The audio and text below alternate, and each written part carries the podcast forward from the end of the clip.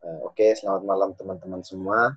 Jadi hari ini adalah episode perdana dari Cara Bincang Positifina yang diadakan oleh Program Studi Arsitektur Universitas Amikom Jakarta dalam rangka untuk mengenalkan sekaligus mempromosikan pertama tentang arsitektur segala garis besar dan kemudian tentang bagaimana lingkungan arsitektur di dalam Universitas Amikom Jakarta. Nah, saat ini saya sedang bersama dengan salah satu mahasiswa angkatan 17. Ya. Selamat malam Mas Yosha. Selamat malam. Ya, gimana Bukan dosen loh, aku mahasiswa. Tapi aku baik, sehat, ya tambah gemuk juga. Ya, gemuk ya. Oke. Okay. tanya selama work from home ini apa aja, Mas? Ya, kalau aku sayang ya kalau ada waktu luang gini nggak dipakai. Ya, yang pertama kita latihan dulu misalnya kalau ada proyek-proyek lama kita coba render, belajar render. Kita juga bisa ya yang pasti ngegame juga. Kebetulan juga aku juga sibuk ini sih. Karena ibadah online gitu jadi aku adalah tim multimedianya jadi aku yang bantu-bantu gitu. Oke, bisa dikatakan padat ya Mas ya? Ya padat-padat gabut juga. Harus padat cari harus cari ini sih kegiatan biar nggak oh. bosan. Oh iya, berarti selama ini bosan makanya cari banyak kegiatan ya Mas ya?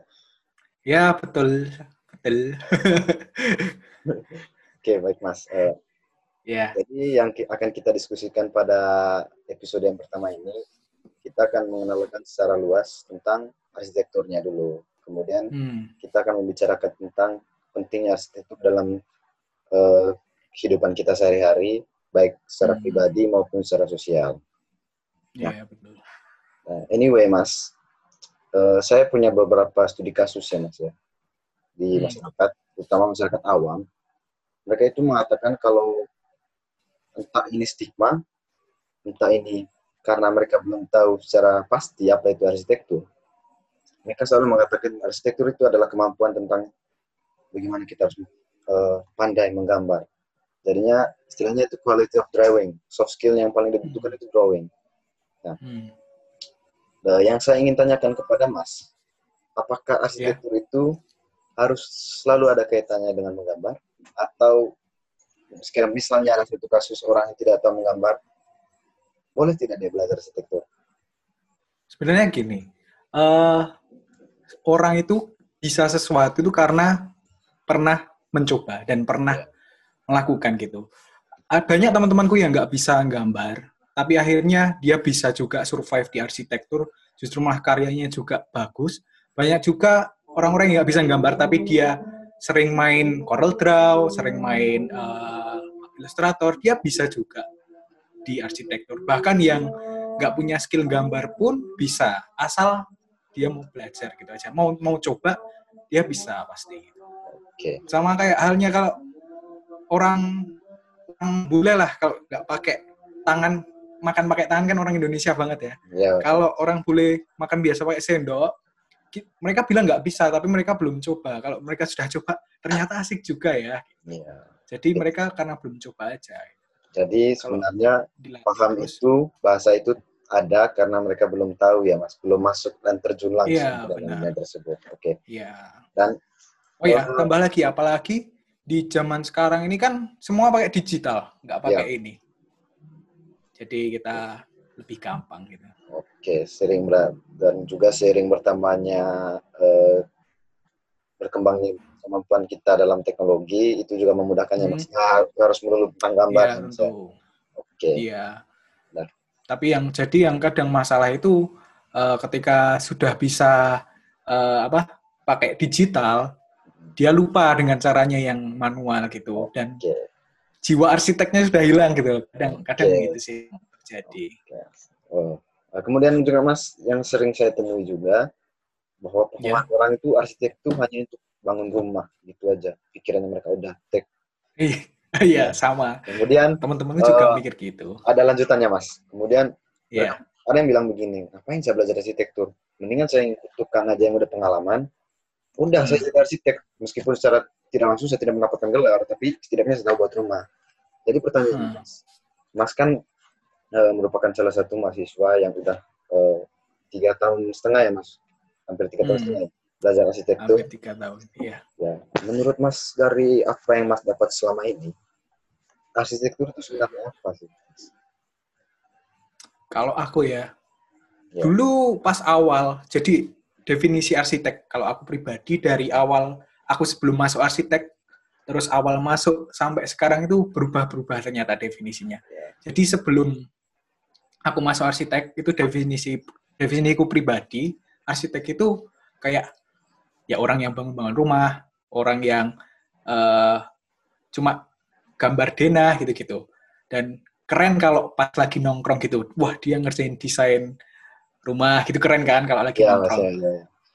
Terus eh, setelah aku masuk di dunia arsitek, ternyata ini sesuai banget sama apa yang aku senang gitu. Jadi aku tuh suka yang namanya seni, suka juga yang namanya ilmu pengetahuan juga, dan arsitek itu masuk dari dua-duanya. Dan ternyata setelah selama ini belajar, arsitek itu ternyata bukan cuma dua hal. Ternyata arsitek itu juga belajar tentang ilmu sosial juga, juga matematika, IPA juga, seni juga, gimana estetika tapi juga harus fungsional gitu. Dan buat aku kalau menurutku pribadi arsitek itu kayak gabungan dari semua semua mata kuliah yang ada gitu loh. Kita belajar dari semua dan muncullah arsitek kalau aku pribadi itu. Tapi kalau definisi yang eh, sesuai dengan kata kaidah sesuai KBBI gitu beda lagi itu Ah, teman-teman bisa cari di internet banyak ilmu yang mempelajari tentang ini ini, ini bla bla bla Wikipedia ada ya. Tapi kalau secara pribadi yaitu arsitek itu kayak gabungan dari semua ilmu yang diterapkan dalam sebuah bangunan. Oke, menurut Mas Yosa juga sih, apakah belajar arsitektur itu meningkatkan kemampuan kita dalam berimajinasi juga? pasti karena kita nggak mungkin lihat hasilnya kalau kita nggak bayangkan dulu kan. Kita mau ngukur aja satu meter tuh kira-kira seberapa. Itu juga melatih imajinasi kita dari hal yang simpel aja kan satu meter itu seberapa oh kita sudah tahu gitu. Oke, dari awalnya kita dulu mengukur, kemudian semakin sering kita lihat, wah ini Ya. Oh, ya. Kan siapa yang setiap perkara kecil dulu nanti pasti akan ditambah besar-besar. Gitu juga kayak imajinasi kita. Jadi, ya, karena kita tahu kan Masnya udah ngambil arsitektur ya. Tentunya juga Mas eh, tahu apa saja lika-liku dalamnya, apa yang diberikan, dan apa yang dituangkan di dalamnya. Eh, menurut pendapat Mas, eh, pendapat Mas pribadi, seberapa pentingkah arsitektur itu bagi Mas sendiri ya, maksudnya bagi pribadi Mas, dan juga bagi sosial untuk perkembangan dunia seterusnya. Pentingkah arsitektur itu, Mas? maksudnya eh, bagiku arsitek ap- eh, sebagai mahasiswa tuh bedanya apa gitu sama orang Eh, lain gitu pentingnya gimana ya itu Mas, maksudnya? Pentingnya arsitektur bagi Mas itu gimana? Oh, ini. Oh iya. Kalau kenapa tadi kalau kamu bilang kan pertama ada kuli, kenapa kita nggak kuli yang pengalaman aja gitu? Iya, iya.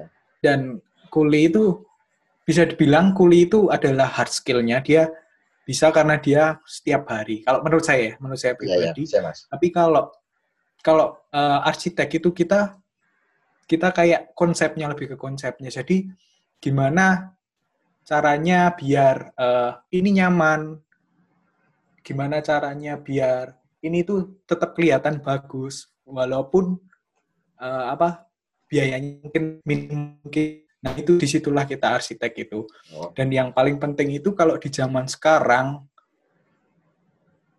tentang sustainable itu yang paling penting. Nah, di situ arsitektur itu yang harus bekerja keras gitu. Nggak bisa kalau kita cuma mengandalkan kuli.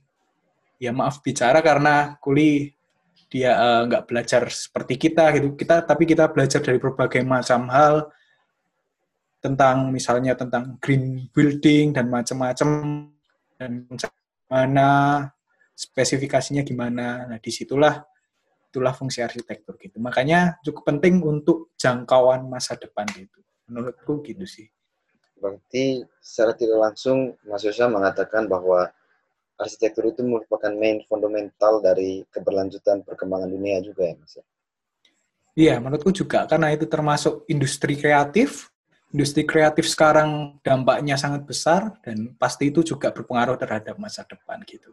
Oke, berarti arsitektur itu sangat menjanjikan ya bagi teman-teman semua. Oke. Iya benar benar. Uh, satu juga yang ingin saya tanyakan mas, ini ya mungkin banyak pertanyaan saya yang saya tanyakan karena saya mendengar bahasa ini keluar dari mulut orang awam yang seperti yang saya bilang tadi mas, mereka tidak mengerti arsitektur seperti apa. Iya. Oke, banyak yang bilang juga arsitektur itu sulit. Kamu gampang masuknya tapi keluarnya susah juga. Mas ini kan, ya Mas Yusra ini setahu saya kan salah satu mahasiswa yang ya prestasi juga di arsitektur Amikom kan. Nah, tentunya Mas punya iya. formula nih. Jika misalnya seandainya Mas bertemu orang-orang yang seperti ini bisa mengatakan, wah Mas baca arsitektur ini susah Mas. Hmm. Apa yang akan Mas Mas Yusra katakan pada mereka sebagai motivasi akan mereka mau belajar arsitektur? Kalau aku ya, aku uh, ngira masuk arsitektur nggak seberat ini. Jujur masuk arsitektur berat. Setelah ngerasin berat bener berat. Tapi ketika kita sudah biasa, ya sudah itu kayak kayak uh, jalan seperti biasa dan uh, nanti lama-lama juga kita paham dengan manage waktunya kita gimana, dengan gimana cara mengatasinya biar waktunya nggak habis gitu. Ya. Dan salah satu biar nggak nggak ketinggalan, biar nggak keluarnya nggak lama, itu kita nggak cukup kalau belajar cuma di dalam dari kampus. Kita harus ya sering buka-buka yang lain, nggak harus buku, karena saya yakin banyak teman-teman yang buat baca itu sulit, termasuk saya pribadi, yang kalau baca itu paling males gitu. Tapi oh, iya, kita iya. bisa lihat di YouTube Iya, Mas. Sekarang bisa lihat ada YouTube, ada Pinterest, itu bisa jadi konsep uh, apa ya kayak kayak gambaran kita gitu. Jangan ditiru tapi ya apa dikembangkan lagi itu sebagai standar kita gitu. Kalau bisa lebih lagi gitu. Nah, kalau kita belajar terus ya nanti kita pasti lulus tenang aja gitu. Oh. Karena ya semua kalau kerja keras ya pasti berhasil. Yeah baik secara mungkin secara tidak langsung Mas Yosya mengatakan bahwa kita harus eh, orang-orang di dunia ini harus secara baik memanfaatkan teknologi yang ada gitu Mas ya. Iya, benar dalam, benar benar. Dalam berbagai faktor apa pun, sektor apa pun harus mampu memanfaatkan iya, teknologi. Oke, Mas. Iya, betul. betul pertanyaan betul. terakhir Mas, pertanyaan terakhir. Uh, kira-kira apa pesan Mas kepada teman-teman yang mungkin ingin belajar arsitektur? Mungkinkah ada pesan dari Mas atau sekitar motivasi gitu mas. Sehingga mereka tidak takut lagi bahwa sebenarnya arsitektur itu enjoy. Arsitektur itu melatih kreativitas mas. Apa yang hmm. sampaikan kepada mereka? Kalau aku mau pesen sih yang mau masuk arsitektur saya mau katakan uh, teman-teman nanti jadi mahasiswa yang paling beda. Mungkin uh, kalian jarang nongkrong jarang jarang uh, dengan orang-orang. Maksudnya ya kita jarang uh, kayak dolan apa ya bahasa yeah. Indonesia nya? Bahasa Indonesia nya dolan tuh ya? ngumpul gitu. Ngumpul, gitu. Tapi di balik itu kita juga pasti tapi pasti ada waktu kok. Nggak usah takut buat kita nggak jiwa sosial kita hilang nggak. Tapi di balik semuanya itu ketika kita belajar terus itu nanti kita penuh dengan pengetahuan. Maksudnya kita tuh kayak oh ini nek berdasarkan kalau berdasarkan ini kita tahu kalau ini kita tahu. Jadi kayak kita tanpa bergaul pun kita juga sebenarnya sudah bisa belajar itu. Karena di arsitektur itu kita banyak dapat banyak banget, nggak cuma tentang bangunan gitu. Dan dari semua aspek itu kita dapat tenang aja, nggak nggak usah khawatir. Karena ketika itu kembali lagi juga sih kepada orang-orangnya masing-masing. Kalau ada orang yang memang antisosial ya dia nggak bakalan dapat teman. Tapi yeah. kalau ketika kita juga punya jiwa sosial, terus kita juga tugas juga dikerjain, kita bisa manage-nya semuanya dapat, nggak usah takut gitu. Dan peluangnya jadi kalau jadi arsitek itu kalau masuk ke jurusan arsitek itu peluangnya banyak itu kalau kerja. Uh, aku pernah di beberapa seminar gitu bisa desain grafis juga cuma di bangunan, bahkan di animasi juga. Bahkan Amikom juga uh, menyediakan lapangan pekerjaan buat uh, teman-teman arsitek yang mau masuk di animasi gitu. Dan kita bisa banyak hal gitu. Oke. Ah, tak terasa ya, Mas. Mungkin masih Iya. sejujurnya masih banyak hal yang saya ingin tanyakan pada Mas. Tapi karena waktunya yang sudah di set- setting agar tidak terlalu lama, Iya. jadi saya Hmm. mengucapkan terima kasih kepada Mas karena sudah membantu Iya. saya berdiskusi. Sama-sama. Saya juga ucapkan terima kasih kepada teman-teman yang sudah menonton, teman-teman yang sudah mendengar. Nah, tentunya ini bukan akhir, ini adalah episode perdana. Tentunya teman-teman semua Hmm. pasti penasaran kan eh, apa selanjutnya yang akan hadir di Bincang Positif ini. Untuk teman-teman ketahui, selanjutnya acara Bincang Positif ini akan di, di live streamingkan di YouTube eh, dari Arsitektur Amikom Jakarta. Oleh karena itu, tetap stay tune. Jangan lupa setiap jam 7 malam, setiap hari Rabu dan Sabtu, setiap minggunya. Terima kasih, saya Vino. Dan terima kasih juga sekali lagi Mas Yosa. Assalamualaikum. Iya, sama-sama. Terima kasih ya, Mas.